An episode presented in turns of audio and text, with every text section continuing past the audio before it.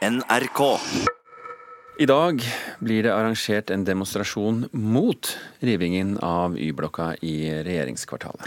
Det er jo mange som har engasjert seg kraftig i denne saken. Og både politikere, aktivister og organisasjoner skal markere sin motstand. Det skjer både utenfor Y-blokka og Stortinget senere i dag. Regjeringen vedtok allerede i 2014 at bygget skal rives, og det skal altså etter planen skje neste år. Men det hindrer altså ikke folk i å kjempe videre for dette bygget. Rett før bomba smalt i regjeringskvartalet, så var jo Y-blokka i ferd med å bli verna. Det viser hvor viktig den blokka er, og det viser hvor tragisk det er at den nå skal rives. Venstres Guri Melby er opprørt, men har ikke resignert, til tross for at regjeringen for lengst har vedtatt at den mye omtalte Y-blokka skal rives. I dag skal hun være med å markere sin motstand.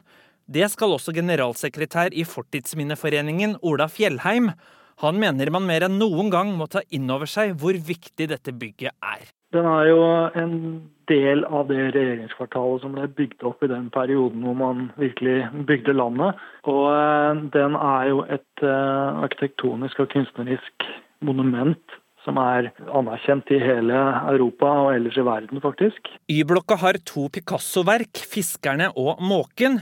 Og disse er helt unike og integrerte, og kan ikke bare flyttes, påpeker Fjellheim. Vi snakker veldig mye om det som en Picasso, men i praksis er dette et integrert verk med Picasso, Viksjø og Nesjar, som er tre kunstnere som til sammen skapte noe som var vesentlig større enn det de klarte å skape hver for seg. Nemlig et bygg med kunst integrert. Sånn at det å tenke at jo, vi kan, vi kan plukke ned den Picassoen og henge den et annet sted, det er egentlig en feilslutning fordi den henger sammen med bygget. Den er en del av bygget. Både som kunst og som konstruksjon. Men kommunikasjonsleder i Statsbygg, Pål Veiby, kommer med dårlig nytt. Han sier de er i rute, har de tekniske løsningene som trengs for å gjøre oppdraget, og akter å følge regjeringens ordre. Statsbygg eh, gjør jo det som regjeringen sier, så i, i, vårt tilfelle da så er vi i gang med planleggingen for å rive R4, og deretter vil man rive Y-blokka. Han opplyser at det vil skje i løpet av 2019, men Venstres Guri Melby har ikke kastet inn håndkleet. Så lenge Y-blokka står der, så mener jeg jo at det fortsatt er håp. Reporter her var Knut Øyvind Hagen. Kulturkommentator her i NRK, Agnes Moxnes. Er det håp? Antageligvis er det ikke det, fordi både regjeringen Stoltenberg og regjeringen Solberg har i utgangspunktet gått for å rive Y-blokka. Hvorfor er denne Y-blokka så viktig for mange? Jeg må se på regjeringens eh, synspunkter først. da. Eh, det, startet, det hele startet med sikkerhetsutfordringer. fordi at den ene foten på denne Y-blokka den går over en trafikkert vei som skal være der i fortsettelsen også. Men etter hvert så har jeg nok merket at altså, eh, argumentene har skiftet karakter, blitt mer strategisk. For i det nye forslaget til et regjeringskvartal så går man inn for å erstatte denne Y-blokka med et mye mer sånn tidstypisk og moderne moderne kontorbygg. Der er det meningen at Utenriksdepartementet skal inn. Og dermed så får Utenriksdepartementet en mye mer prominent plass i det nye regjeringskvartalet, og som kan tenkes som et godt argument for at man skal få Utenriksdepartementets ansatte, som har litt bremsene på, for at de frivillig skal flytte inn i det nye regjeringskvartalet. Der det er meningen at de fleste departementene skal være. Da. Mm. Men for motstanderen, bare for å si det, nå kommer jo det veldig tydelig til uttrykk i denne reportasjen her, men det blir sett på som et viktig, viktig bygg, både politisk historie og arkitektonisk historie. Og så er det jo det at, at kunsten, det integrerte kunsten er signert Pablo Picasso og Carl Nesjar. da. Så er det altså sånn at Både Fortidsminneforeningen som vi hørte i innslaget her, antikvariske myndigheter, riksantikvar og byantikvar er sterke motstandere av riving. Men sikkerhetsrådene er altså likevel helt klare på at Y-blokka er utsatt. Er det fordi det går trafikk under den? Eh, ja, i utgangspunktet så var det det som var eh, argumentet. Eh, men så kom jo Riksantikvaren, som jo er Altså de fagorganene er jo blitt, ikke blitt hørt i denne saken her, men Riksantikvaren kom med et veldig konstruktivt forslag, egentlig. Og det var at de foreslo å kutte kutte den fløyen som, som, gikk over veien. Og dermed så eliminerte det jo eh, den sikkerhetsrisikoen. Det er ikke blitt kommentert, så vidt jeg vet, av regjeringen, dette forslaget til, til Riksantikvaren. Men i realiteten så er ikke sikkerhetsutfordringene lenger et argument for å rive Y-blokka. Men er det sånn da at sikkerhet trumfer alle andre faglige innspill? Til å begynne med så var det det. Eh, det er jo sikkerhetsrådene som regjeringene, begge regjeringene, har, har altså Stoltenberg og, og, og, Solberg har valgt å, å, lytte til. Det er jo at man skal At det er best at alle departementene ligger samlet, med unntak av Forsvarsdepartementet. Eh, men nå tror jeg egentlig at dette handler like mye om at regjeringen ønsker å holde fast på de planene de har lagt. Eh, få det gjennomført, sånn at regjeringen igjen kan få faste og permanente kontorer da i løpet av de neste seks-sju årene. Men Stemmer det f.eks. at det ikke går an å flytte Picasso-verkene til et annet sted? Altså, dette ble analysert grundig i 2015. En rapport konkluderte med at det lar seg gjøre, men den rapporten sier også at dette er veldig veldig krevende. Og De ba om at det ble utarbeidet nye analyser, og jeg regner med at de analysene er på plass nå. For det ville jo være tidenes eh, skandale hvis eh, eh, Picasso skråstrek Nesjar ble knust og ødelagt under byggingen av et nytt regjeringskvartal. Takk skal du ha, kulturkommentator her i NRK, Agnes Moxnes.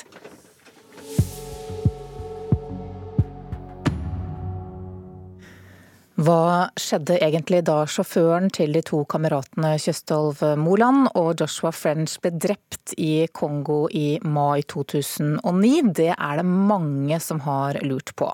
Skuespiller Aksel Hennie mener du finner svaret i filmen 'Mordene i Kongo', som hadde førpremiere i går. Jeg sier at sannheten fins i filmen. Mm.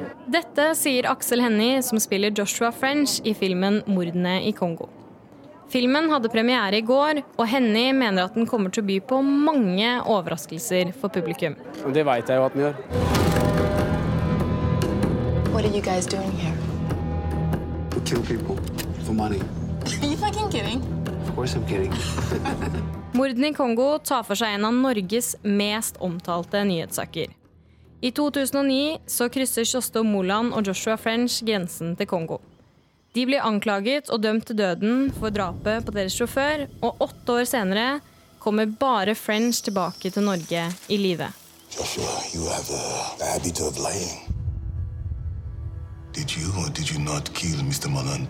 Regissør Marius Holst har ikke noe formening om publikum kommer til å se annerledes på Kongo-saken etter å ha sett filmen, men mener den kommer til å snakke for seg selv.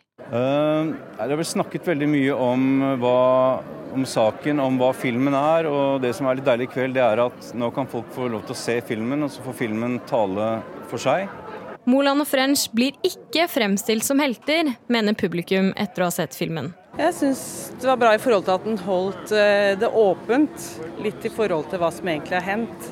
Og at de ikke blei fremstilt som helter, som man, jeg har lest om da, i avisene. Og det syns jeg var veldig positivt. Alt var veldig bra gjennomført. Et stor norsk film. Til tross for at Aksel Hennie lovte overraskelser, følte ikke NRK-profil Espen Thoresen seg så overrasket etter å ha sett filmen. Men syntes det var veldig interessant å se bakgrunnshistorien til den mye omtalte saken på lerretet. Det var fint å få med noe av bakgrunnshistorien som ikke er visste visst om liksom sånn bi, bihandlingen. Eh, men det er ikke noen overraskelser, egentlig. Men, men, for jeg har fulgt med ganske mye underveis. Så jeg visste jo at uh, at han ikke var noen helt. Joshua French, en lykkejeger. So why come here? You know this is a very dangerous place. We came for the adventure. Did you find it? Og reporter her, det var Kaja Marie Andreassen. Alt var mye bedre før. Det er jo en ikke helt ukjent frase for mange av oss. Men dersom vi skuler til barneoppdragelse i gamle dager, så er denne påstanden ikke så veldig passende. I hvert fall dersom vi skal tro forfatteren av boken De onde gamle dager. Kulturreporter Linda Marie Fedler, hva er det forfatteren skriver om? Det er da forfatter Cecilie Winger som har skrevet boken om de onde gamle dagene, hvor hun tar for seg det som nesten kan anses som umenneskelig barneoppdragelse. For ser man 100 år tilbake i tid, så rådet barnelege foreldre til å ikke dulle, synge, snakke eller vugge små babyer. For da kunne de jo bli umennesker. I den gamle Gulatingsloven sto det bl.a. at man skulle drepe småbarn som, stand til, som man ikke kunne ta seg av. Og de kunne man da begrave levende på kirkegården. Og Det er uvisst om det ble praktisert, sier forfatteren til Vårt Land i dag. Men Vinger sier hun håper at boken kan bidra til at folk kan føle seg takknemlig over sin egen tid. Jeg tipper at du føler deg litt ekstra takknemlig i dag da, Anne? ja. Men en som ikke kan ha følt seg så heldig, det er den canadiske rapperen John James. Et planlagt stunt gikk ikke helt som planlagt for ham. Og det er å si det mildt, fordi rapperen døde nemlig i et flystunt for en musikkvideo. Han gikk ut på flyvingen av et Cessna-fly mens det var i luften. Og da, kom, da, han kom for langt ut på vingen, begynte flyet å spinne nedover. James slapp taket og rakk ikke å utløse fallskjermen før han traff bakken. Og John James var kanskje ikke så kjent her til lands, så da er det jo trist at en dødsulykke utenom det vanlige gir rapperen oppmerksomhet. Takk skal du ha, kulturreporter Linda Marie Fedler. I går var det premiere på sesong fire av den franske spionserien Le Byrå. Serien tar for seg livet til agentene i det franske statlige etterretningsbyrået DGSØ. Og her er en ørliten smakebit fra den nye sesongen. Where is Abouama hiding in Gaziantep? In which street of Sid Kamel? The street where your mother Answer his question. What is this guy? You're doing this great. Anmelder Sigurd Vik i eh, Filmpolitiet her i NRK, god morgen. God morgen. Du har jo sett de første episodene av sesong fire, og i din anmeldelse på nrk.no så skriver du at eh, Le Byrå fremdeles er mesterlig god på å skape stolkantspenning av telefonkonferanser filmet i kommunegrå omgivelser. Og du gir rett og slett terningkast eh, seks. Hva er det du syns er så bra? Det her er en eh, serie som selvfølgelig er en TV-serie, først og fremst, men som allikevel eh, har fått mye skryt for en slags realisme. Altså, det her er en serie som til og med franske etterretningsagenter sjøl angivelig setter seg for å se, og de har også fått eh, litt sånn samarbeid med fransk etterretning i, i oppbygginga her. Og det er en serie som eh, er befriende fri fra spionklisjeene som man kan kjenne igjen i eh, kollegaserier som Homeland, som Jack Ryan som kinofilma kinofilmer Mission Impossible. Og eh, det er en mer sober og nedpå tone som er veldig god på å få fram uh, både rollefigurer og situasjoner som oppleves uh, relevant og, og, troverdig i, i, dagens samfunn. Og nå er det jo da Russland, hacking og uh, kunstig intelligens som står på, på, tapetet i sesong fire. Og da er det jo ikke til å komme unna at man føler at man, man er med på noe som har samfunnsrelevans i 2018. Men hvordan skiller denne sesongen seg fra de tidligere? Eh, det er litt vanskelig å si sånn i oppstarten. Det er mer av det vi har likt før, men det jeg ser, er at Le Byrå nå er en serie som begynner å ta inn over seg sin egen suksess, så jeg merker jo at den uh, er blitt veldig glad i hovedpersonene sine, noe som er veldig gledelig for fansen, for da får vi mer av uh, Maltrø og Fenomen og de her agentene som har lirka rundt i Europa og Midtøsten.